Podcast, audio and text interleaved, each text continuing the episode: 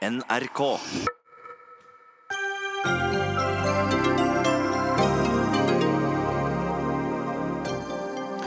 Arbeiderpartiet begrenser ytringsfriheten. Det hevder partiet, som har flere medlemmer som har boikottet medier. Hadia Tajik og Sylvi Listhaug plasserer grensen for hva som kan og ikke kan sies. Stor jubel over at nye elferger gjør Norge grønnere. Det er bare det at batteriene de lader så sent at det blir færre fergeavganger. Statsministeren sier regjeringen vil ta sosialstønaden fra innvandrere som ikke lærer seg norsk. Det er jo bortkastet tid, det står jo allerede i loven, sier Arbeiderpartiet. Og så var det spørsmålet om det skulle bli nordmannen, svensken, portugiseren eller briten som ble nestemann i rommet. Nei, det er ikke en vits, men en debatt om hvorvidt Norge skal være med i kampen om å få skyte opp små satellitter.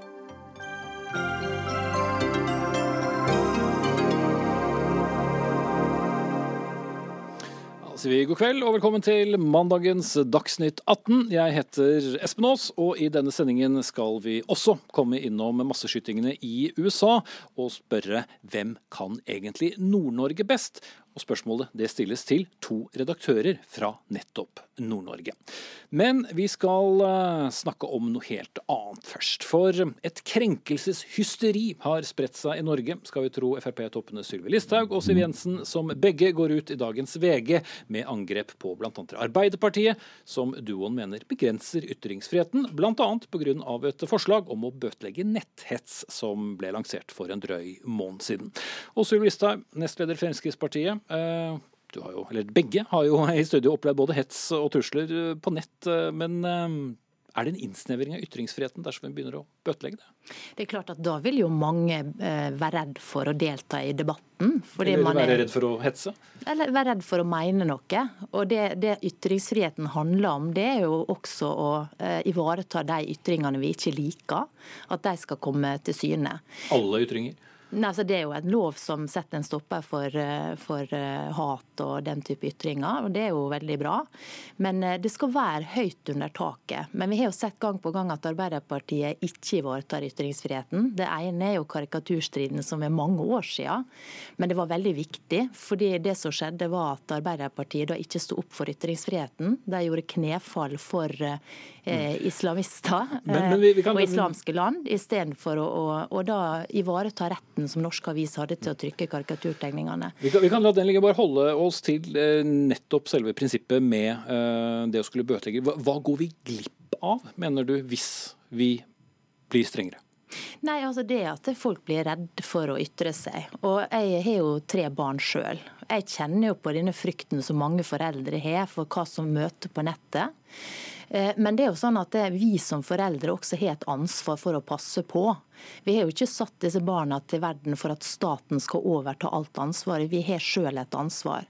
Og Hvis jeg som mor skal velge hva skal politiet prioritere, skal de da prioritere netthetsen eh, som man snakker om her, eller skal man prioritere overgrep mot barn? Den redselen som jeg kjenner inni meg Men utelukker det ene og det andre, da? Ja, fordi at politiet har sine ressurser som de må, eh, må velge å bruke. Og, og jeg mener at det viktigste politiet skal gjøre, det er å ta de nettovergriperne som er der. De som prøver å lure ungene våre til å sende nakenbilder, til å utlevere seg, til å kanskje møte opp eh, det de tror er unge jenter, så er det voksne menn. Men det de som ikke- sitter og kjøper sexovergrep på nettet, det er det som er det aller viktigste. Og dette viser jo egentlig da at man ønsker prioriteringer som eh, er helt annerledes enn det jeg tror norske foreldre er er opptatt av. Jeg er helt sikker på at du kommer til å si at du ikke vil prioritere det annerledes, nestleder i Arbeiderpartiet Hadia Tajik. Men eh, hva slags ytringer skal bøtelegges? Altså, det er en del ting som Listhaug og meg er enige om. Folk må kunne si det de mener. Det skal være høyt under taket. Um, og det skal ikke være sånn at folk eh, blir redde for å ytre seg. Derfor så synes jeg at det er bekymringsverdig at vi allerede nå er på vei inn i, rett, i en retning der folk blir redde for å ytre seg. Det har dessverre blitt eh, dokumentert at eh, omfanget av sjikane og hets på nettet det har blitt så stort at enkelte vegrer seg for å delta i den offentlige debatten. Det gjør at den offentlige debatten blir fattigere enn det den ellers ville vært. Så det vi i Arbeiderpartiet har foreslått, det er at ytringer som i dag allerede er straffbare, altså ytringer som i dag ikke er lov, sjikane, eh, hets, trusler, oppfordringer om vold. Ytringer som man i dag ser at det har et omfang som gjør at folk opplever det som ekstremt belastende. Men er det riktig ressursbruk hvis det allerede er en lov? Det er allerede forbudt, men det som man i dag må gjøre, er at man må ta det til domstolen. Det vi foreslår, er at denne type ytringer, som allerede er straffbare, raskere skal kunne få konsekvenser ved at politiet får adgang til å i første instans bøtelegge den som står for den ytringen. Og så vil man da enten akseptere den boten eller sjøl ta initiativ til å ta det videre til rettsvesenet. Altså Poenget er å raskere kunne reagere på ytringer som eksisterer. Og så må jeg si at jeg reagerer litt på at man setter de, denne saken, som er så viktig, og opp mot en annen viktig sak, nemlig overgrep mot barn. Det er klart at Politiet har sine ressurser. Det kan regjeringa gjøre noe med. Arbeiderpartiet har jo flere ganger foreslått at politiet skal få mer ressurser. I våre alternative budsjetter så ligger vi 400 millioner kroner over regjeringa sitt forslag. La oss holde oss til uh, ytringsfriheten. Men nettopp det poenget uh, som Tajik var innom, har jo flere av dine kolleger også kjent på. Det at det blir så mye kok i et kommentarfelt. La gå. Det er ikke sikkert uh, det skrives uh, straffbare ting mot uh, Siv Jensen eller mot deg eller andre i partiet, men bl.a. statsministeren har jo måttet stenge egne kommentarfelt fordi det tar helt av. Så er det ikke et poeng også at det går andre veien? Og begrenser ikke det også debatten? Jo, men jeg mener jo det at ytringsfriheten i Norge er snevra inn på den måten at det, det, det, er en elite, en meningselite, som bestemmer hva som er riktig og galt, hva som er akseptabelt og hva som er uakseptabelt. Det føler veldig mange på. Når jeg møter folk som forteller meg at jeg skulle gjerne sagt på, på Facebook at jeg støtter det, og sånn, men jeg er redd for å miste venner, jeg er redd for å miste jobben, jeg er redd for å, altså, hva konsekvenser det er. Ja, det skjer. Og da sier det meg at vi er i ferd med å gå mot jeg skulle til å si svenske tilstander her, der, der rommet for å, å, ytre seg snevres inn. Men det har ikke noe med bøtelegging å gjøre? Altså, Nei, det handler det om den offentlige debatten det, det og det offentlige ordskiftet? Det handler om hele det offentlige ordskiftet og hvor vi er på veien. Og det som er litt sånn sjukdommen i Norge, det er at det, det, det er blitt litt sånn at du må ha en tittel for å kunne eh, uttale deg. Altså Er du skuespiller, forfatter eller forsker, har en eller annen tittel, da er du liksom ekspert til å uttale deg for, om alt mulig. Men heter du Kari Hansen, så blir du veldig fort stempla, enten det er som rasist eller som eh, idiot, dum osv. Og, så og det er klart det er med på bruker, å eh, gjøre at folk ikke orker å delta i debatten. Mm, bruker fast navn. Men hvis vi skal ta det direkte, for det, altså, dere opplever jo det hele tiden. Hver gang dere ber noen like dere dele noe, så fylles jo kommentarfeltene deres opp med helt uh, andre ting. Men det handler vel om å gjøre noe med den debatten? Jeg er ikke så bekymra for eh, den hetsen og sjikanen som Listhaug eller jeg eller kollegene våre opplever. Dette eh, handler fra Arbeiderpartiet sin side ikke om å beskytte toppolitikere eller elitedebattanter. Det handler om å beskytte helt vanlige folk. Det handler om å beskytte 14 år gamle jenter som opplever at de blir sjikanert massivt på nettet. Og så blir det ikke tatt ordentlig tak i. Det får ikke konsekvenser. Med vårt forslag vil det raskt, raskt kunne få konsekvenser som er helt konkrete. Vi er bekymra for tobarn tobarnsfaren som skriver innlegg fordi han er engasjert i den lokale debatten om skolestruktur, og som opplever at det skrives så hatefulle ting om han i kommentarfeltet etterpå at han aldri tør å delta i den debatten igjen. Her har Arbeiderpartiet helt konkrete forslag som gjelder vanlige folk. Hva har Fremskrittspartiet tenkt å gjøre for å beskytte de? Det jeg hører Listhaug si, det er at hun vil ja, ja, og Vi mener jo det at det man skal få lov til å ytre seg, og at vi skal ta til motmæle. Men det at det man skal melde massivt til politiet hver gang man føler føler seg krenket eller man føler det at man er blitt utsatt for eh, altså ytringer i kommentarfeltet. Jeg tror rett og slett det vil føre til eh, at politiet bruker ressursene sine feil, fordi at det er eh, sånn at det er nettovergrep og den type eh, oppgaver som man må prioritere. Og jeg tror det at disse tingene her vil også føre til at mange betakker seg, er redd for å si det de mener, fordi de er redd for er dette her i tråd med lova, eller er det ikke i tråd med lova? Og så er vi på full fart inn i dette her meningstyranniet som egentlig er i Norge. Så opptatt av om folk føler seg ønsker ikke ytringsfriheten vel, det har de aldri gjort, og dette er nok det, det Jeg er ikke så interessert i om noen føler seg krenka, og dette føleriet som, som Listhaug her legger opp til. Jeg registrerer at Listhaug vil individualisere ansvaret for å få orden på dette her. Hver enkelt må skjerpe seg litt. Det høres jo veldig greit ut, men det har jo ikke hjulpet. Omfanget har blitt større og større, og regjeringa, Fremskrittspartiet, tar ingen initiativ. Det Arbeiderpartiet er opptatt av, er å beskytte vanlige folk mot den hetsen og sjikanen som finnes der ute. Ikke krenke følelser, men ytringer som allerede er straffbare. Hets, sjikane, trusler, oppfordringer til vold som man ser at ikke får konsekvenser. Og jeg spør igjen, hva vil du gjøre for å beskytte vanlige folk som blir utsatt for dette? Ja, jeg mener det at det viktige er at vi står samla mot de som har uakseptable meninger. Men jeg mener at når det kommer til å prioritere, så skal politiet ta de som driver med nettovergrep. Det er det jeg er mest bekymra for som mor. At mine unger skal bli lurt av nettovergripere. Men hva gjør det med ytringsfrihet? Og eh, følge opp det som barna mine opplever på nettet. Men Arbeiderpartiet har vist gang på gang det de gjør når det kommer til spissen når det gjelder ytringsfriheten. Altså, det er alltid å ta parti eh, med eh, de som ikke ønsker ytringsfriheten. Jeg hører at Fremskrittspartiet har behov for å si dette, men vi registrerer jo hva Fremskrittspartiet har gjort. Altså Selv Fremskrittspartiets egne justisministre har valgt å boikotte aviser som de har mislikt at har skrevet kritiske ting om dem. Altså Fremskrittspartiets egne justisministre har ikke klart å skille mellom kritisk journalistikk og det som altså er hets, hat og sjikane men, men, jeg er ikke opptatt av å forsvare noen politikere. Jeg er opptatt av vanlige folk. Og det som er nå saken, er at mange ikke orker å delta i diskusjonen. De tør ikke, fordi de blir stempla som mindreverdige, dumme og idioter. Eh, og, det, og, og, og, i mange av disse tilfellene her så har det ingenting med, med at man tråkker over lova en gang å gjøre. Det har med ytringsrommet i Norge som går i feil retning. Vi har sett hva det førte i Sverige. Altså Der har man ført en innvandringspolitikk som følge av mangel på diskusjon, som har gått helt galt av sted. Og i Norge Men er det den diskusjonen du er vi, først og fremst redd for at ikke vi får ja, tatt ja, om, om, innvandring? Det... Du er jo rasist, og du er nazist, og du er det ene og det andre fordi du tar til orde for at ja, vi skal ikke ha andre regler for innvandrere. Men det er jo ikke den Arbeiderpartiet eller, men det er ikke det Arbeiderpartiet foreslår å bøtelegge, det er jo bare den loven som allerede gjelder, som du selv er for. Ja. Jo, men det vi er opptatt av, er at vi skal ha ytringsfrihet i Norge reelt sett. At vi skal ha lov til å ha ulike meninger. At ikke du skal ha et meningspoliti og en elite som skal sitte og definere hva som er riktig og galt. Og det kan man mene eller ikke mene mye om. Men jeg ønsker Fremskrittspartiet å fjerne en del av de eh, straffebestemmelsene som i dag finnes, som gjelder trusler og oppfordringer til vold? Eh, det vi ønsker, det er å være med på å utvide ytringsrommet. Så dere ønsker ikke å endre lovverket? Det som er forbudt, det skal være forbudt fortsatt? Vi ønsker å utvide mulighetene for folk til å delta i diskusjon uten å bli stempla og stigmatisert av meningseliten i Norge. Fortsatt... Og at det skal være greit for Kari Hansen å, delta i en diskusjon også om eh, politiske områder som er brennbare. Så det skal fortsatt være straffbart? Ja, ja. Men det skal altså det fortsatt skal... være straffbart, det skal bare ikke få konsekvenser?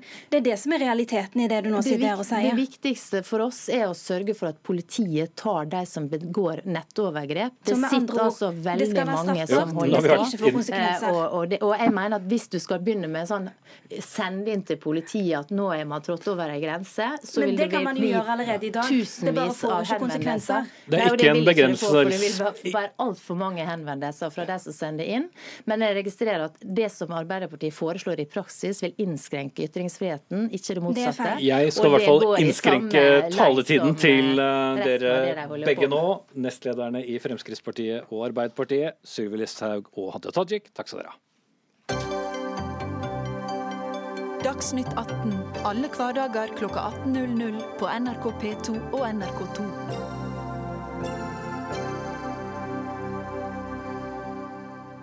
Da skal vi til eh, det som utvilsomt var en gladnyhet til eh, alle dem som er opptatt av utslipp. For neste år skal rundt 30 elektriske ferger gjøre Norge til et foregangsland innen miljøvennlig kollektivtransport.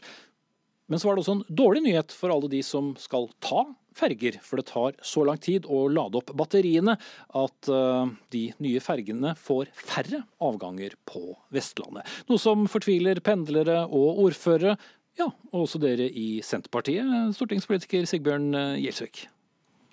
Ja, altså det her er jo livsnerven i mange eh, lokalsamfunn. Altså eh, Ferja, det å ha muligheten til både for folk og næringsliv å kunne pendle, komme seg til og fra jobb, for barnefamilier kunne få hverdagen til å gå i hop. Derfor er det viktig at folk skal ikke kunne akseptere at det blir et dårligere ferjetilbud enn før. Og Vi må sørge for å gjøre begge deler. Vi må få inn nye ferjer, men vi må sørge for at eh, en har ordentlig økonomi, sånn at eh, en òg sørger for at det blir opprettholdt tilbudet til vanlige folk i hele Norge. Mm. La oss eh, ikke ta ferge, men flytte oss til Vestlandet. Anne Hestetun, du er fylkesordfører i Hordaland fra Arbeiderpartiet. Det er fylkeskommunen som da er eierne. Hvordan har vi klart å havne i denne situasjonen helt først?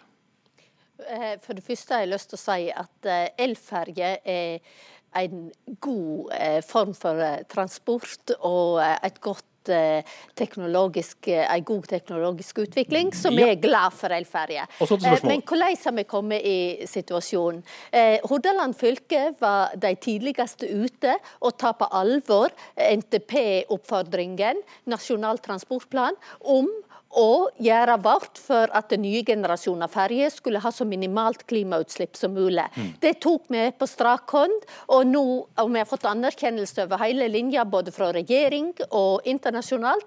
Og nå sitter vi igjen med store utfordringer knytta opp mot at vi ikke klarer å ha den økonomien som er nødvendig. Så jeg er helt enig i Senterpartiet sin representant når eh, han beskriver utfordringene som ligger her. Men Kom dette som en stor overraskelse, at det kunne ta lengre tid å lade opp eh, batterier sammenlignet med å fylle drivstoff? Eh, det, finnes, det som skjer i dag innenfor fergesektoren, er ganske viktig å ha med seg. Det, eh, vi var ute med anbud i, i 2016. Teknologiutviklingen skjer så kjapt at det kommer ny teknologi og nye krav. Og jeg skjønner brukerne og pendlerne at de vil ha et Eh, fornuftig eh, og tilpassa opplegg til hverdagen sin, som gjør at de kan fungere i hverdagen. Og vi eh, er ikke tjent med å utarme distriktene ved ikke å ha ferjeavganger som tjener f.eks. pendlerne. Mm. Så som ofte er det store problemet, det er pengene? Det er pengene som eh, til sjuende og sist blir hovedutfordringen. For teknologien eh, er der, og eh, vi må ikke lage elferge til et kjempeproblem. Det er en god løsning, og vi må klare i lag med regjering å finne svar på dette her. Og for så vidt så i diskusjonen med Venstre sin Sveinung Rotevatn i går, så opplevde jeg at han eh, åpna litt opp for at eh, Hordaland har spesielle utfordringer, og eh, ser på muligheter for å være med og løse disse utfordringene. Så det forventer jeg også at Atle Hamar fra Venstre har det utgangspunktet. Jeg skulle akkurat si at Vi har ikke Rotevatn her, men hans kollega i departementet, Atle Hamar, statssekretær altså i Klima- og miljødepartementet. Er det rettferdig at vi må tåle litt færre avganger på Vestlandet for å bli mer miljøvennlig? Først vil jeg si at jeg har stor forståelse for at rutetidene må være til stede for folk, og at pendlerfrekvensen eh, holder seg på ferjerutene. Så er det jo slik at Rutetidene blir jo bestemt i de lokale anbudsprosessene. så Det er jo Hordaland fylkeskommune som selv har lagt opp anbudet som, som gir de rutefrekvensene og rutetidene de har. Og det, har jo, det har jo ingenting med elektrifisering eller diesel eller valg av, av drivstoff eller, eller energi å gjøre. Og da, og da, er jo, da er det jo en ting eh, sånn, Espen, og, og det jeg diskuterer med her, at Hordaland hadde jo ekstremt gamle ferjer. 27 år i, i, snitt og hadde en ganske stor utskiftingsfrekvens. Det er veldig bra at Hordaland valgte miljø- og klimaeffektive ferjer, men sånn sett så er ikke det kun elektrifiseringen som er årsak til dette. Det er òg valg av ny teknologi, nytt materiell. Universell utforming er en kostnad som òg kommer inn her. Sånn at det, her er det et bilde som en må ha med seg. Jo, Men bildet er jo eh, færre avganger og færre utslipp. Jo da, og da tenker jeg eh, det at eh, når KLD la fram sammen med regjeringen sin handlingsplan for grønn skipsfart, så har vi jo sagt nettopp det at vi skal vurdere en belønningsordning til fylkeskommunene i forhold til at de elektrifiserer både ferjer og hurtigbåter. Vi kom med et signal i revidert med 25 millioner i år. Og så har vi videre sagt at vi skal se på inntektssystemet til fylkeskommunene i forhold til at en skal se på ferjefylkene og de merkostnadene de har, og så skal inntektssystemet ta høyde for dette. Det hørtes ut som ja. det var mange fergeavganger til. Og da kompenserer vi også økonomien i dette, gitt de signalene som nå ligger i handlingsplanen til regjeringen. Mm. Ja, Gjelsvik, eh, ble du beroliget? Nei, på ingen måte. Det har jo vært kjent over lang tid, og Senterpartiet har jo fremma forslag flere ganger om at altså vi er for elferje, vi. Mm. Og den Omlegginga bidrar til arbeidsplasser, bidrar til ny teknologi og bidrar til store kutt i utslipp. Men altså, en må kunne gjøre det samtidig som en klarer å opprettholde rutetilbudet, og helst styrke rutetilbudet. Og Det er jo det som er så grunnleggende feil i dag. Og helt enig med Atle Hammer at Det største problemet her handler ikke om teknologi, det handler om økonomi. Det handler om at Hordaland Gjør det ikke alltid det, da? jo, jo, jo, men altså det handler om Hordaland fylke. De har vært pionerer på området her, men mange andre fylker langsmed langs med vestlandskysten og nordover i Norge òg, som har store kostnader til ferje, som har mer ressurser enn i dag. Og Det er jo det som det er jo det som mangler, eh, og som, eh, som må på, på plass. Regjeringa har ikke vært villig til å stille opp. Altså en, en blar jo opp med milliarder kroner til de som kjører elbil i Norge. og Det har vært viktig for teknologiskiftet. Men da må en i hvert fall sørge for å ha tilstrekkelig midler, sånn at en opprettholder en helt grunnleggende infrastruktur i hele Norge, som bitter Norge sammen som, eh, som nasjon. Og ferjene er en helt sentral del av det. Det var jo elektriske ferjer faktisk en suksesshistorie kysten rundt. Og Ja, det, blir laget, det blir laga ny næring fordi vi nettopp kom med disse anbudene Mm. både fra stat og fylke. La oss nå være enige om det. Verft, leverandørindustri, har fått en vekst etter at offshore gikk ned. Så Det er en annen side av den historien. Så tilbake til Hordaland fylkeskommune. Ja, i andre fylker så finnes det òg ferjestrekninger som har fått en økt rutefrekvens etter at det har gått inn med ny teknologi og elferje. Så dette bildet er ikke likt overalt, Sigbjørn Gjelsvik. Og så kan jeg jo si til Anne Gine Hestetun at du får nå ta signaler som både kommer i revidert nasjonalbudsjett. Vi kompenserer fylkeskommunen allerede i dag gjennom inntektssystemet noe. Og så er det en signal fra regjeringen at dette skal vi gjøre mer. Og det må jo òg Gjelsvik være fornøyd med. Men, men når før vi Gjelsvik både svarer på det, så vil jeg bare ha inn heste, og. Hestetun uh, igjen. Fordi uh, hjelper dette egentlig så mye på kort sikt? Eh, For å si det slik, jeg leser signalet til statssekretæren, men det er jo klart det er altfor, altfor lite. Du får ikke mye ekstra teknologiutvikling, men jeg leser det som et godt signal. Og min frykt, det er jo at eh, må vike for eh, økonomi i denne sammenhengen. Så vi må ha gulrøtter. Og ingen var mer glad i lag med meg enn Atle Hamar når han for noen måneder siden delte ut en stor pris til meg i Oslo for den jobben vi har gjort. Så jeg er helt sikker på at Atle Hamar innerst inne er enig eh, med oss, og jeg forventer det at eh, vi skal få et stort løft, for det trenger vi. Dette handler om penger. Jeg vet ikke om han vil komme med sine innerste følelser her, men, eh, men Gjelsvik og så Hamar. Jo, men altså det, det er fint når valgkampen er oppstart at eh, Atle Hamar kommer med noen mini-gulrøtter. Men poenget er jo at regjeringa leverte jo et budsjett til fylkeskommunene for i fjor som i praksis var et nullbudsjett. Eh, Du har fylker langs med hele kysten som har store utfordringer knytta til båt og ferje, som ikke får kompensert det på en skikkelig måte. Så at her er jo det et etterslep over tid som må løses. Den korte, korte, korte løsningen din er bare legg mer penger på bordet. Jo, altså legge mer penger på bordet. Altså, På bekostning av noe annet. Jo, men, ja, ja, definitivt. Altså, det er jo mye bedre å prioritere eh, tilbudet til folk som bor i hele landet, enn å gi skattelettelser til de som mest fra, fra før. Og Poenget er jo det at vi, vi må prioritere som land. Og det å binde Norge sammen, bygge gode veier, vedlikeholde veier hele landet, sørge for god rassikring, sørge for et ferjetilbud sånn at folk kommer seg fram, det er helt avgjørende for både folk eh, og næringsliv i hele Norge. Jo, så kan jo jeg da si eh, Sigbjørn Gjelsvik og Anne Gine Hennestun, at vi har brukt store penger gjennom Enova, NOx-fondet. Vi har støtta opp om infrastruktur, vi har støtta utvikling av disse ferjene her. Vi har brukt ganske mye ressurser. Vi skal bruke enda mer ressurser på det grønne skiftet. For én ting må vi være enige om, hvis ikke vi gjør noe med klimautslipp fra alle transportformer, også denne sektoren her, ikke minst hurtigbåtene, som er de neste anbudene som kommer, som slipper ut mest per transportert passasjer, eh, så må faktisk vi vise oss modige nok til å gå framfor og snakke om ny teknologi, og ikke pumpe fram diesel, gammel dieselteknologi som et alternativ for å drive transport men i i Norge. praksis så er det færre færøyavganger, uansett hva du kan slå deg på bytt med. For å si det sånn, Ruteanbudet til Hordaland fylkeskommune er det Hordaland fylkeskommune som har eh, lagt fram. Vi skal sørge for at vi kommer med ordninger for fylkeskommunene framover. Det gjør vi i handlingsplanen, og det vet du, Sigmund Gjelsvik. Vi, eh, Kjære nei, nei, nei, nei. Altså, det er altså, eh, for den eh, manglende økonomi som fylkeskommunene har. Et eh, fylke som, som Hordaland, det å si at det er de som setter, eh, setter rutetilbudet. Selvsagt setter de rutetilbudet, men de gjør jo det innenfor de rammene som de har. De har gått foran, de har investert i ny teknologi. Nå ser de det. De har store kostnader som ikke får dekka, fordi at de i regjeringen ikke har vært villige til å stille opp.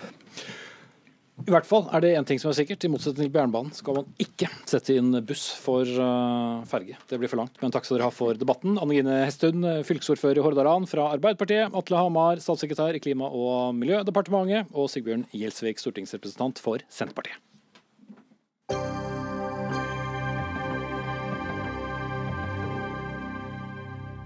Litt senere i sendingen skal vi snakke om romkappløp. Ikke førstemann til månen, men rett og slett om å skyte opp småsatellitter og hvorvidt Norge skal kaste seg inn i den kampen. Men nå skal vi eh, forflytte vår oppmerksomhet til USA, som i helgen eh, opplevde sitt eh, verste drapsdøgn på flere år, etter to ulike masseskytinger. Ni personer ble drept og 27 ble skadet i en masseskyting i byen Dayton i Ohio. Gjerningsmannen der ble skutt og drept av politiet på stedet. Og Dette skjedde bare noen timer etter en enda større masseskyting på et kjøpesenter i El Paso i Texas, der 20 ble drept og 26 personer skadd, flere av dem kritisk, etter at en 21 år gammel mann ifølge politiet lastet opp et rasistisk manifest på nett før han fyrte av automatvåpen mot uskyldige. og denne masseskytingen den etterforskes som terror. Og I en tale i dag så sier president Donald Trump at masseskytingene de er ondskapsfulle, og Trump ba det amerikanske folk om å fordømme rasisme og såkalt hvit overmakt. Og USA-korrespondent Veronica Westrin, du har eh, reist til El Paso i Texas, og jeg må jo først spørre deg hvordan eh, denne hendelsen preger innbyggerne. Nei, Dette preger hele samfunnet her i El Paso. Alle jeg snakker med forteller at dette er et sted som har blitt oppfattet som trygt, og alle er veldig opptatt av at dette er en som har kommet utenfra. Han kom utenfra for å ramme dem. Eh, Beto O'Rourke var her i stad og snakket med oss. Han sa også at dette er ikke det som skal definere oss. Eh, dette er et samfunn der folk stiller opp for hverandre, legger altså mange vekt på. Ehm, jeg prata med helsepersonell som sier at eh, folk her strømma til for å gi blod da de ble oppfordret eh, til det. De måtte til slutt si at dere må komme tilbake seinere, for det var så mange som møtte opp. Akkurat nå så går det folk rundt her og deler ut eh, vann til oss i pressen. De, de, dette er mennesker som er opptatt av andre, som gjør det de kan for å hjelpe andre, og det ser vi rundt oss her nå. Men men dessverre så har de da blitt eh, nok en by på, som forbindes da, på denne listen over de verste masseskytingene i USAs historie. Dette blir jo betegna som den åttende mest dødelige masseskytingen i USAs historie. Mm. Så får det litt eh, utenrikspolitiske konsekvenser også, fordi Mexico vurderer å be om utlevering av eh, mannen politiet mener sto bak. Hvorfor det? At dette er jo en grenseby. Og hit til dette kjøpesenteret så er det jo også mange meksikanere som kommer. Og det er jo da flere meksikanske statsborgere blant de drepte. Eh, mange jeg snakker med her, de snakker bare spansk. Eh, dette skjedde på en dag hvor mange familier kom for å handle inn til skolestart. Eh, så, så dette er et samfunn som, som, som lever i, kontakt vi, vi, ser over på grensa til Mexico her, og akkurat nå strømmer jo folk da, for å legge ned blomster her, eller eh, tenne lys uh, for alle dem som mistet livet. Jeg har prata med flere av dem. Det gjør sterkt inntrykk. En elleveåring som, som sier at han føler seg trygg her fordi han vet hva han skal øve på dersom noe skjer. Han han øver altså på masseskytinger på skolen.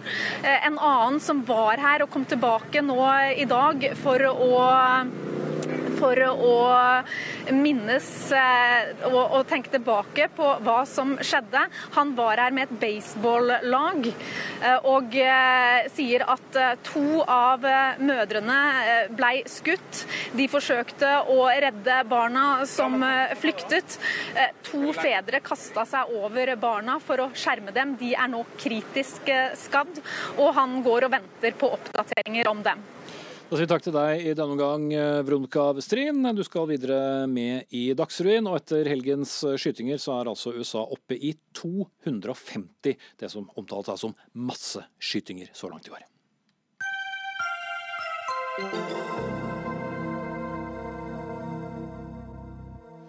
Sverige, Portugal og Storbritannia ja, det er noen av landene som kniver om å vinne kappløpet om å være raskest ute med en oppskytingsfase for småsatellitter. Men det å skulle delta i romkappløp er slettes ikke gratis, det vet alle som kjenner historien. Aksjeselskapet Andøya Space Center, som er 90% eid av Næringsdepartementet, venter nå i spenning på om deres eh, hovedeier vil være med på en emisjon, altså en aksjeutvidelse, trykke nye aksjer for salg, som vil eh, øke egenkapitalen med opp mot 1,3 milliarder kroner, slik at eh, testene med oppskyting i Nordland kan starte allerede neste høst. Thomas Norvoll, fylkesordfører for Arbeiderpartiet i Nordland. Du ville helst hatt en avgjørelse fra departementet klar allerede nå, du. Hvorfor? Jo, jeg ble egentlig veldig overraska når vi nå så at uh, man har satt byråkratene i gang med å skal bruke hele dette året på å utrede hvorvidt man skal være med, med til å for legge til rette for å få denne satellittbasen på, på plass. Dette har vært jobba med i flere år, og det er altså jobba fra et selskap som er eid av Norsk Romsenter, som er eid av Næringsdepartementet. Så jeg var overraska over at, ikke, eh, at, det nå ser ut som at man ikke får en avgjørelse i statsbudsjettet, men at man i stedet skal bruke et helt år til før man kan ta beslutninger på hvorvidt at Norge og norsk industri faktisk skal være med inn i det satellitteventyret som vi står foran nå. Mm. Men det er jo ikke, bare, bare for å avbryte deg kort, eh, Norvald, det er jo ikke gitt at dette nødvendigvis er lønnsomt? Er det ikke bra at staten eh, bruker penger på det, eller, hva mener du, eller bruker tid på dette? Hva, hva mener du vi risikerer ved at Næringsdepartementet da bruker lengre tid enn det du så for deg? Ja, altså man har jo jobbet, man har etter mitt syn jobba veldig sakte her. For det har vært en utredning og et arbeid som har foregått i flere år. Men det vi risikerer er jo at vi havner bak i køen. Nå vet vi at Portugal har etablert sitt romsenter på Azorene. Etter at de hadde en rommelding i fjor, så har de nå etablert det senteret. Vi kunne se på NRK bare for et par uker siden eh, at også svenskene har kommet opp på sida og også nå måtte jeg komme like langt i planlegginga. Eh, jeg tror ikke det er grunnlag for å ha mange av denne type infrastruktur rundt omkring i Europa. Jeg tror det er veldig viktig at man er først ute. Eh, og Derfor har vi også brukt begrepet at dette er rett og slett et romkappløp som jeg er redd for at vi kan komme til å tape hvis vi ikke nå er offensive i tilnærminga eh, og sørger for at man får infrastrukturen på plass. Mm. Skal ikke kalle deg eh, elefanten i rommet, Torbjørn Røe Isaksen, men du er næringsminister og sånn sett også da romminister i denne sammenhengen. Hvor tidkrevende er det egentlig å vurdere lønnsomheten i dette?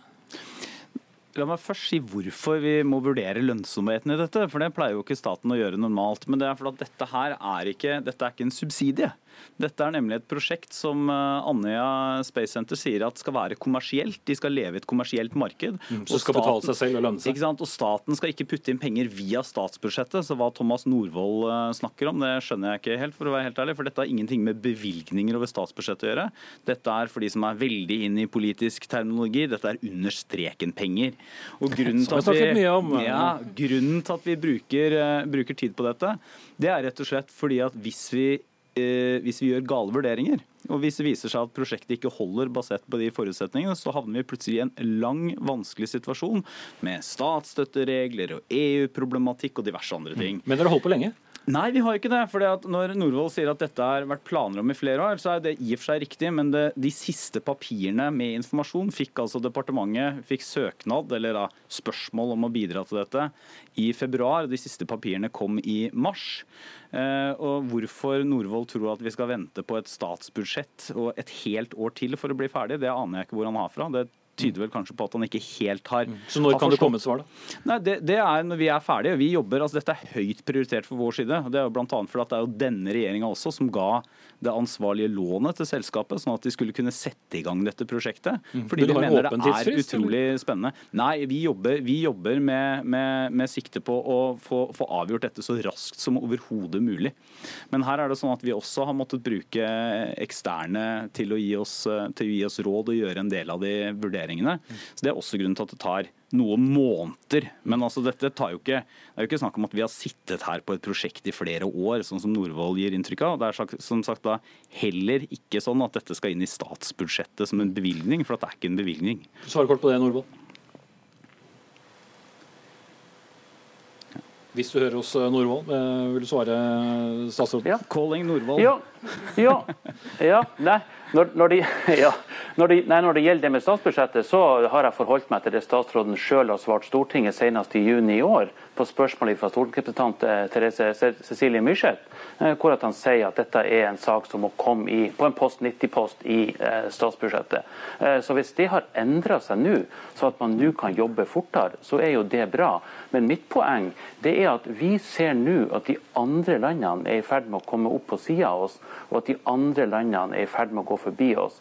Og Da er jeg bekymra for at vi kan være i ferd med å skusle bort en mulighet til å skape flere hundre arbeidsplasser i en hardt prøva distriktskommune, men først og fremst sørge for at det som er en virkelig framtidsindustri, at det foregår på norsk jord. Det tror jeg vil være utrolig viktig for norske bedrifter, for norske universiteter. Ja, men, jo sånn, ja, vi kan ikke ta det resonnementet nå, Norvald, men med hva med tidselementet som, som Norvald ja, har vært innom begge ganger? Bekymrer det deg? Ja, ja altså, det, er sånn at, det, det, det, er helt åpenbart at her er det sånn at andre har planer om det samme. Eh, og Det betyr at vi er nødt til å jobbe så raskt vi overhodet kan.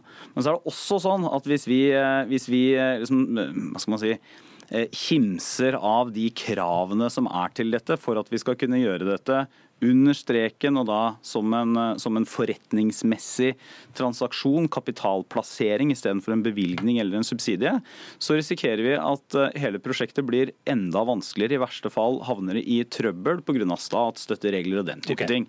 Og dette her er noe som, altså, det, For å si det sånn, jeg, jeg, vil nesten kunne banke i bordet og ti kniver i hjertet uh, på en analyse av at Arbeiderpartiet i regjering ville gjort akkurat det samme. For okay. dette er sånn ansvarlige partier gjør. Men så deler jo Norvoll og jeg helt eh, forståelsen av dette som et spennende prosjekt, som et prosjekt med store muligheter for okay. Andøya Nord og for norsk romindustri. Bra. Skal bringe inn, skal kalle det en romkvinne, men Line Oftedal, du er eh, leder for innovasjon og næringsutvikling i Abelia, men inntil nylig så ledet du også romindustriens interesseorganisasjon. Eh, Norsk Industriforum for romvirksomhet, som det heter så fint, og kjenner derfor godt til dette prosjektet. Og mm, I tilfelle folk nå går seg litt eh, vill i romkappløp og det ene med det andre, hva konkret er det der snakk om? Det er eh, snakk om å etablere en oppskytningsbase for eh, små satellitter eh, på, fortrinnsvis på Andøya. Det er en fantastisk mulighet for Norge som teknologinasjon og som romnasjon. Det er rocket science vi faktisk snakker om, for en gangs skyld. Og det er, som det har vært inne på her, det er et kappløp i Europa mellom fire nasjoner. Og jeg tror vi alle som er med i denne debatten her, vi ønsker at dette skal komme til Norge. Og Så er vi kanskje litt uenige om eh, forretningsmodellen, men i utgangspunktet så ønsker vi at dette skal komme til Norge. Mm. En liten sånn faktating til. Altså, hva, hva, slags selskaper, altså, hvor, hvor, ligger den kommersielle inntjeningen? Hvem vil ha glede av det landet som vil være best på å skyte opp disse småsatellittene? Eh, den kommersielle inntjeningen som, som, næringsministeren er helt inne på her, det, det, er et, det, er et, spørsmålstegn. Det er en bransje som eh, så langt har vært og er preget av institusjonelle oppkjøp, altså statlige og mellomstatlige organisasjoner, som er hovedkunden. Eh, og Det vil også gjelde Andøya i en viss grad. Så står vi midt oppi et skifte hvor vi ser at det kommer utrolig mange nye aktører på banen, som er kommersielle aktører, eh, som også har samarbeid med sine statlige romorganisasjoner osv. Men vi ser at det skjer en rask kommersialisering. Det vi ikke har sett ennå, er at noen av de kommersielle aktørene tjener store penger. Mm. Så Derfor så er det viktig å regne på dette? Jeg tenker at det er viktig å vite hva vi gjør. Eh, og jeg tenker òg tidsaspektet som, eh, som, alle har vært inne på her, det er viktig. Jeg opplever at næringsministeren også forstår eh, situasjonen og de eh, vinduene som er åpne nå, og at vi må agere raskt, og at de gjør det. Men jeg tror også det er viktig å, å sikre at, at vi får return on investment her. Altså. Ja, for da, det, det, er jo egentlig det som er det avgjørende poenget. og Det er det også selskapet har bedt om. De har ikke bedt om å få 1,3 milliarder i subsidie eller støtteordning over statsbudsjettet eller noe sånt. De har Nei, bedt om at staten som eier er med. Og Det er også grunnen til at vi er nødt til å gjøre dette enda grundigere enn vi gjør.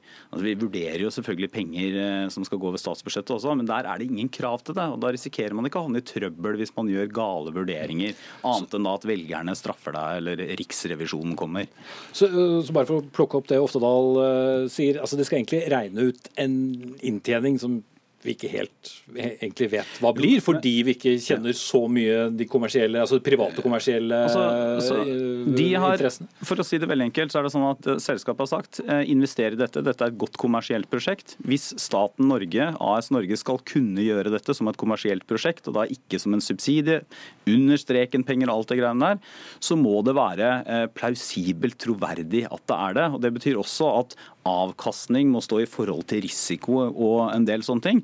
Og Det er jo veldig annerledes enn i alle andre, eller de fleste andre politiske saker vi holder på med, hvor det er et spørsmål om bare politisk vilje. Mm. Eh, mens her er det altså det selskapet har bedt om, det er det vi jobber med i utgangspunktet og vi gjør det så raskt vi kan. Men vi kommer ikke til å fire på kravene, for da kan vi få trøbbel mm. senere. Mm. Veldig kort til slutt, Thomas Norvoll, fylkesordfører i Nordland.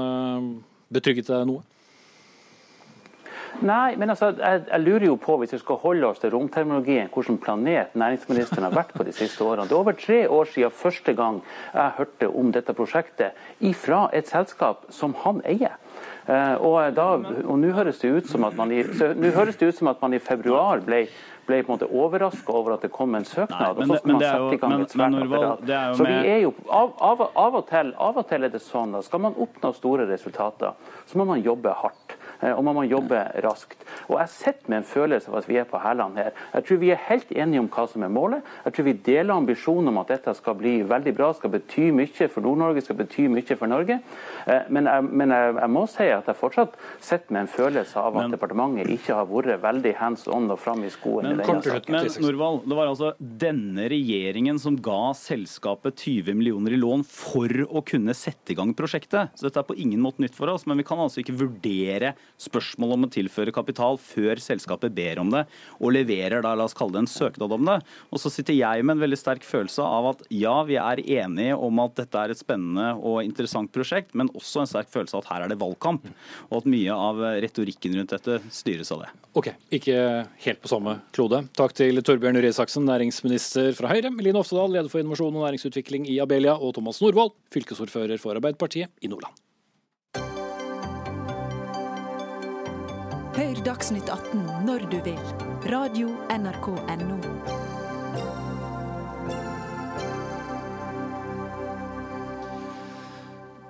Ordet valgkamp ble nettopp eh, nevnt i innslaget, og noen vil kanskje si at det skal handle om det nå også. Regjeringen vil eh, kutte sosialstøtten til innvandrere som ikke lærer seg norsk. Ja, til dagens VG sier statsminister Erna Solberg at dette forslaget skal sendes ut på høring, og skal gjelde i første omgang innvandrere under 30 år. Og Jan Tore Sanner, du er kunnskaps- og integreringsminister og nestleder i Høyre. Hva vil dere oppnå? Det er viktig at eh, flere innvandrere kommer i, i jobb. Eh, vi gjennomfører nå en reform av hele introduksjonsprogrammet og integreringspolitikken. Eh, vi lykkes med mye, ikke minst når det gjelder norskfødte med innvandrerbakgrunn, som gjør det veldig bra i, i, skolen.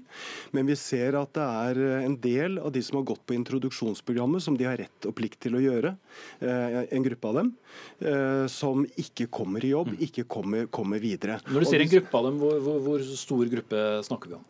Ja, hvis, du ser på, hvis du ser på andelen av de som mottar sosialhjelp, eh, så er det vel i overkant av 44 eh, som har innvandrerbakgrunn. Eh, og Sysselsettingen blant innvandrere den er fortsatt for lav. Og det er da vi sier at, at hvis, du, hvis, du, ikke får jobb, hvis du går over på sosialhjelp fordi du ikke er god nok i norsk, ja da må kommunen kunne si at nå går du tilbake på å lære norsk. altså Du får da et nytt norsk program. Hvis ikke så Eh, reduserer vi sosialhjelpen din. Vi har innført arbeidsplikt for sosialhjelpsmottakere under 30 år, og det virker. Mm. Og det virker, og mange av de som får eh, stilt dette kravet, er veldig positive. For det er i grunnen ganske OK å si at jo, du skal få støtte. Eh, men da skal du også gjøre noe tilbake. Og Det innvandrerne her skal gjøre, det er faktisk å lære seg norsk. For å lære norsk, det er nøkkelen til å bli en del av små og store fellesskap. Mm. For veldig mange jobber kan du ikke utføre hvis ikke du kan norsk? Nei, det, sånn er det. Men, men, det handler ikke bare om jobb. Det handler jo også om å kunne gå på foreldremøte på skolen. Det handler om å kunne snakke med de som bor i oppgangen din, og gå på, på møter i, i borettslaget. Eh, derfor er norsk det er det aller viktigste å få til god integreringspolitikk. Og hvis det er slik at man ikke kommer kommer i jobb fordi man er for dårlig i norsk eh, og går over på sosialhjelp, ja da må vi kunne stille krav om at du går tilbake på skolebenken. Siri Gåsmyr Staalesen, du er integreringspolitisk talsperson for Arbeiderpartiet, men du kaller utspillet for oppsiktsvekkende. Er du ikke enig? Alle er enig i dette. Vi også. Det som er pussig med dette forslaget, er jo at Nav kan jo allerede sette disse vilkårene for utbetalingen. Sånn at vi syns dette er et bortkasta lovforslag. Men kan gjøre de det, da? Ja, Det må vi jo spørre statsråden om. Vi oppfatter at mange kommuner gjør det. Og da er jo spørsmålet, hvis det ikke er sånn at man kan gjøre det i dag, har de gjort, uh, gjort ting feil? Uh, Nav-kontorene kan i dag sette vilkår for utbetalingene til de som mottar uh, sosialtrygd. Så, så det er unødvendig forslag? Helt unødvendig, og vi syns det er veldig pussig at dette kommer nå. Og alle er enig i at flere må snakke bedre norsk. Sånn. Ja, dette, dette, varslet jeg allerede i fjor, fjor høst, da vi la frem regjeringens integreringsstrategi. Eh, dette er et viktig tiltak, men bare ett av mange tiltak for at flere skal eh, komme i, i jobb. Men Hvor nødvendig er det da, hvis eh, Nav allerede kan si at nei, men hør nå her, du har jo lært deg norsk? Ja, Vi vet at det ikke gjøres. Var, Så Nav gjør ikke jobben? Nei. Det, det følges, følges, ikke, Man bruker ikke det handlingsrommet som er. Det er jo også bakgrunnen for at regjeringen fra 1.1.2020 2017 innførte aktivitetsplikt for unge sosialhjelpsmottakere. Det betyr at eh, hvis en 25-åring eh, går på sosialhjelp, så kan, så kan, Nav eh, snu dem i døra og si at jo da, du skal få sosialhjelp, men da stiller du på jobb i morgen. Og Det er noe med å komme i aktivitet. Men, men rent praktisk, hva blir den, skal få ordet snart, men rent praktisk, altså, hva blir den store forskjellen på det dere nå sender ut på høring, mm. Og det som er i dag? Ja, det betyr at eh, kommunen skal eh, stille krav om norskopplæring, og kommunen må legge til rette for det. Eh, hvis ikke så vil sosialhjelpen bli redusert for, for innvandreren som da ikke kan, kan norsk. Det er, et, det er, da et enkeltvedtak som kommunen gjør. og det er jo slik at Sosialhjelpen det er siste skanse. og du har krav på hjelp hvis du er i en nødssituasjon. Men du skal ikke sulte i hjel? Nei, eh, ingen skal sulte i hjel i Norge. For eh, da skal man få støtte og, og, hjelp. Men vi må sikre oss gode systemer. Vi må stille krav. Arbeiderpartiet sa jo tidligere at krev din, eh, krev din, eller gjør din plikt og krev din rett. Og det er litt av det dette handler om. Og Det sier vi fortsatt, men nå sier jo Sanner at dette, denne loven fins jo. Og da skjønner ikke vi hvorfor vi skal bruke tiden på å lage en ny lov. Fordi den ikke fungerer i praksis? Er, ja, men Regjeringen kan bare sende ut et rundskriv eller en forskrift til gjeldende lov. Vi trenger ikke en ny lov. Det vi derimot trenger, er mer og bedre eh, norskopplæring i introduksjonsprogrammet. Og Sanner sier hvert halvår at snart kommer det en ny reform av introprogrammet, og vi venter fortsatt. Vi har venta i seks år. Det som Arbeiderpartiet er opptatt av, er at man skal ha god kvalitet på norskopplæringen. F.eks. gjennom å gi mulighet for å kunne ta fagbrev mens du går på, på introprogrammet. Få praksisplasser, sånn at du kan få arbeidspraksis samtidig som du lærer norsk i undervisningssituasjoner. Jo, men Sanner og... til de tallene med så uh, mange som da ikke deltar. Sier ikke det at vi trenger mer pisk og mindre gulrot? Ja, Vi mener at vi må komme i gang med norskopplæringa tidlig. Vi må komme i gang med norsk, en god norskopplæring så fort uh, uh, folk kommer på norsk jord. og Det er introduksjonsprogrammet de møter da. Da må kvaliteten der være god. Du må kunne lære deg arbeidsnorsk på praksis, i praksisplasser. At uh, Vi må legge til rette for at kommunene får til det. Ellers hva da? Så blir det sosialhjelp så blir det i hvert fall vanskeligere å få seg jobb. Da, for vi er helt enige med Sanner. Hvis du ikke kan godt nok norsk, så får du deg ikke jobb. Jo, vi mener at den norskopplæringen må komme i gang tidlig. Noe annet vi er veldig opptatt av, er å få fjerna kontantstøtta. Ja, den skal vi slippe nå, Men, eh, Sanner. Det er nettopp derfor jeg har innført at norskopplæring skal starte på asylmottaket. Vi skal ikke vente til eh, at eh, personen blir bosatt i en kommune og begynner på introduksjonsprogram. Når du kommer på mottak, så skal opplæringen starte. Ja, først har, fjerna dere norskopplæringa i mottak. Men, la meg fortsette. Inn, det var frivillig. Vi har innført nå en, en, en plikt til norskopplæring så du kommer i mottak. Og Det er uh, fordi at jeg hører så mange som sier at, uh, at, det er frustrerende å gå og vente. Start med en gang, da er man motivert. Uh, og så er det ikke slik at jeg har sagt hvert halvår at reformen av introduksjonsprogrammet skal komme. Jeg har hele tiden sagt at det skal komme nå til høsten. Nå skal vi reformere hele programmet, få til bedre norskopplæring. Kommunene får mye penger Kommunene får mye penger til introduksjonsprogrammene. Og hvis kommunen ikke har lykkes med å eh, sørge for at den enkelte kan godt norsk, ja, så må kommunen sørge for at de faktisk gjør det. Da skal de tilbake på Hva, hva er suksesskriteriet for dette, da? Hvordan skal du måle at dette er eh, eventuelt en riktig vei å gå? Ja, for Det første, det vi nå kommer til å gjøre på introduksjonsprogrammet, det er at istedenfor at du har rett til x antall timer, eh, så skal det være et mål om at de skal lære seg norsk. Noen vil trenge få, andre vil trenge svært mange. Men hvis de da likevel ikke kan norsk, så blir det Nav sin eh, oppgave å gjøre et vedtak om at den personen må tilbake og lære seg godt norsk. Hvis ikke, så reduserer man på sosialhjelpen. Jeg er overbevist om at det kommer til å fungere. og Det er viktig for den enkelte, og det er viktig for samfunnet. Men altså lov, loven ligger der allerede i dag, så det er bare å gå i gang. Vi trenger ikke vente til neste år, sånn som Erna Solberg sier i VG i dag. Det er bare å gå i gang. Dette kan vi få til allerede nå. Og Da var vi faktisk der vi startet. Men uh, takk skal dere ha, Jan Tore Sanner, kunnskaps- og integreringsminister, Siri Gåsmy Staalesen, innvandringspolitisk statsperson og stortingspolitiker for Arbeiderpartiet.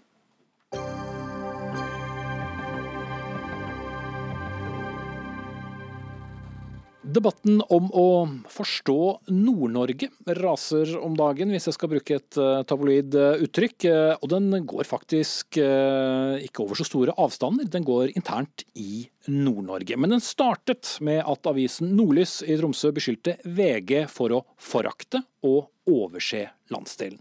Men nå tar politisk redaktør i den konkurrerende avisen i Tromsø, som da også er i Tromsø, derav navnet, et oppgjør med sin konkurrent og skriver at dette låter hult når Nordlys kritiserer hovedstadspressen, og regjeringen også, faktisk, for ikke å forstå Nord-Norge. Og Martin Legeland, politisk eh, redaktør i, i, Tromsø, som også har en samarbeidsavtale med VG, for å opplyse om det. Hvorfor er det så hul, denne kritikken? Ja, først vil jeg si at jeg skal ikke påstå at uh, regjeringa forstår Nord-Norge, men Du skal slippe det, men er, la oss snakke om mannen ved din side. Ja, Mitt poeng er at når Nordlys ivrig svinger pisken overfor både regjeringa og for, mot rikspressen for å ikke forstå Nord-Norge, samtidig som og Ikke bare Nord-Norge, men Tana og Tysfjord og Berlevåg Eh, så syns jeg den kritikken ringer hult, fordi at det gjør ikke Nordlys heller. For å forstå Nord-Norge så er det veldig viktig å vite at det er en enorm landsdel, både kulturelt og geografisk. Eh, og Nordlys, i likhet med i Tromsø, avisa hvor jeg jobber, vi forstår landsdelen ut ifra vårt urbane perspektiv i Tromsø.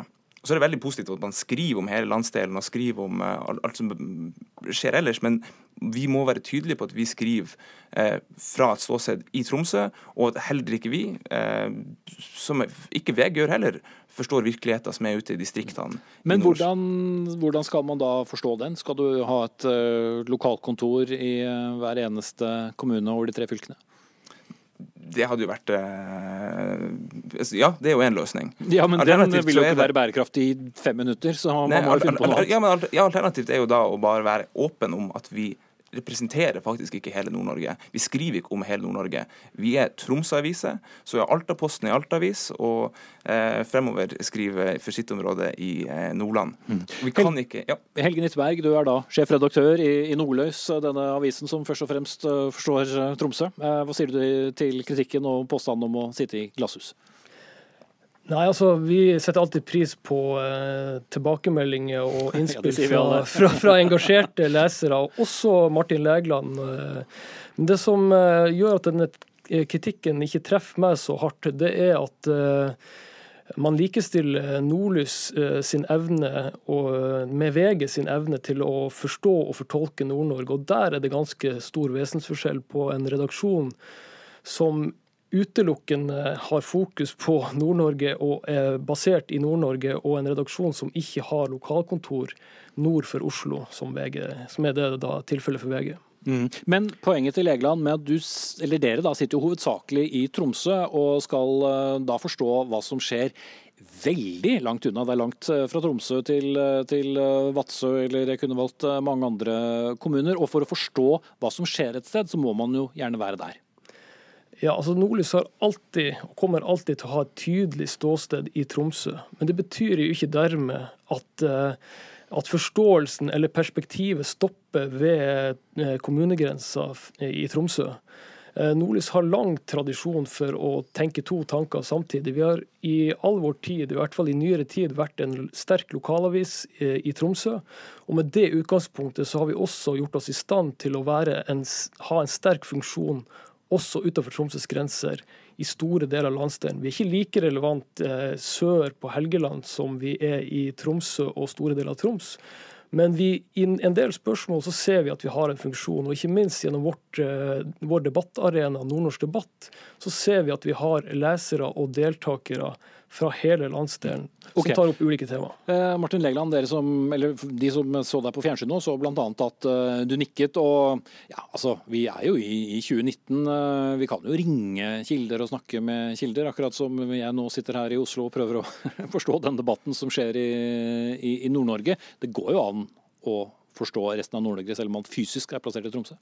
Jeg nikker for det, det Helge sier at Nordlys har en viktig rolle som lokalavis i Tromsø. Det er jeg helt enig i. Men ikke som en eh, regionavis. Og eh, når Nordlys kritiserer rikspressen og andre for å ikke forstå virkeligheten i Tana eller Tysfjord, eh, så mener jeg at den samme kritikken gjelder Nordlys. Og jeg mener at de har over lang tid forsøkt å forstå hele Nord-Norge gjennom en slags sentrum-periferiakse, hvor alt handler om et sånn felles nordnorsk sinne og raseri mot sør, som er upresist, fordi at de, de, samme mekanismene er internt i nord. Eh, og vi i Tromsø har dårlig forutsetning for å forstå virkeligheten i Vadsø eller ellers. Eh, særlig i regionreformen. altså Boligprisene synker i Vadsø dramatisk som konsekvens av, av reformen her som er eh, lagt fram av regjeringa. Og vi i, Hvis vi sitter i Tromsø og prøver å forstå og forklare og male uten å kjenne den virkeligheten, så mener jeg vi går på akkurat samme smell som eh, hva, eh, hva Helge Nytteberg og, og Nordlys med rette har kritisert VG for, ved å legge ned sine kontor. Men Det er jo også... forskjell på å ha en redaksjon i, i hovedstaden og, og det å, å sitte i Tromsø, selv om avstandene som nevnt er enorme. Selvfølgelig. Og derfor er Nordlys en, en, viktig avis for å forstå eh, Tromsø. Og jeg leser Nordlys hver dag, men det er jo for å forstå Tromsø er omheng. Hvis du skal forstå Nord-Norge, så er du nødt til å lese, lese eh, de øvrige avisene. Eh, for det er ja, Der er ikke Nordlys en, en, god nok aktør, hvis de vil være en landsdelsavis. Men for å være løsningsorientert, da, Nitteberg, hvordan kan Nordlys bli bedre på resten av det nordmenn Nord-Norge som er utenfor kommunegrensen din? Det er jo eh, lang tradisjon for i norsk presse at eh, regionavis eh, har en hovedbase. Akkurat som Aftenposten har sin hovedbase og kjerne av lesere i Oslo, og Bergens Tidende har det i Bergen og Adresseavisen i Trondheim, så har Nordlys sin hovedbase i Tromsø. Og Sånn vil det nødvendigvis også være i fremtida. Eh, så er det sånn at Nordlys opererer ikke i et vakuum. Vi eh, samarbeider tett og tettere enn noensinne med ni andre av medieaviser i Nord-Norge, fra sør på Helgeland til nordøst i Finnmark. Og Det er en del av det grunnlaget eh, som, som, vi, våre kommentatorer, eh, forsøker å analysere Nordlys. Eh, jo, men da, da, da, Nå snakker du om med. kommentatorer. Eh. Og kommentatorer sitter jo gjerne i, i redaksjonen og, og skriver. Ville det ikke vært bedre å reise mer rundt?